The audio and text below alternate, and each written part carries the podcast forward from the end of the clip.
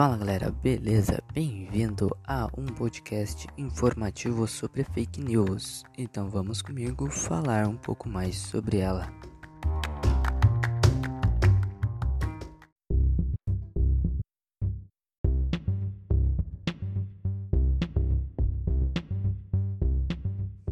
Então, gente, o que é uma fake news e como podemos identificá-las?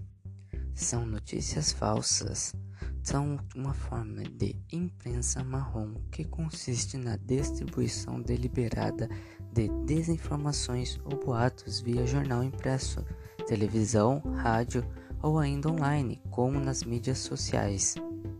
Podemos identificá-la usando quatro passos. Primeiro passo, devemos checarmos se ela tem uma fonte confiável. Se ela tiver uma fonte confiável, pode se compartilhar, pois todo mundo deve saber. Segundo passo é ver se o tom pejorativo é indicativo de mentira. Aliás, importantíssimo, jornalismo sério de qualquer lado. Usar termo pejorativo se texto veio cheio de petralha, coxinha, golpista, duvide. Olhe sempre a data. Outro detalhe importante é prestar atenção às datas. Uma notícia pode até não ser falsa, mas ela é de 2003. Logo, talvez ela já não faça mais sentido. Se parecer muito absurda, jogue no Google. A chance de ser mentira já desmentida há tempos é grande. Se vier pelo WhatsApp, não dê como verdadeiro logo de início. O último passo é usar o Google para checar. Checagem é a palavra-chave nesse caso. É importante verificar sempre, sobretudo se houver indício de falsidade.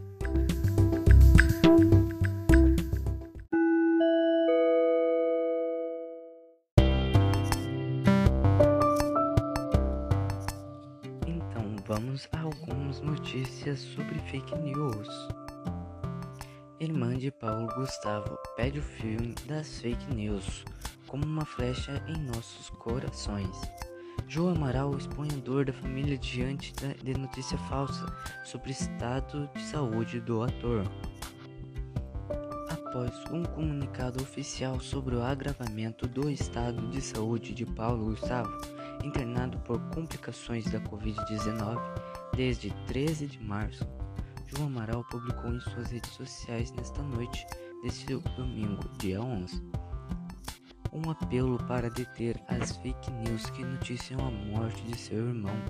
O ator está passando por diversos procedimentos e segue lutando contra a doença. Moraes prorroga inquéritos das fake news e de atos antidemocráticos.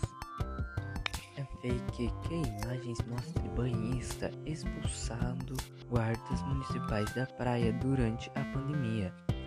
O vídeo compartilhado em redes sociais é antigo e não tem nenhuma relação com medidas de restrições em razão do coronavírus. A imagem foram feitas em 2012 após uma briga por causa de uma partida de altinho à beira-mar.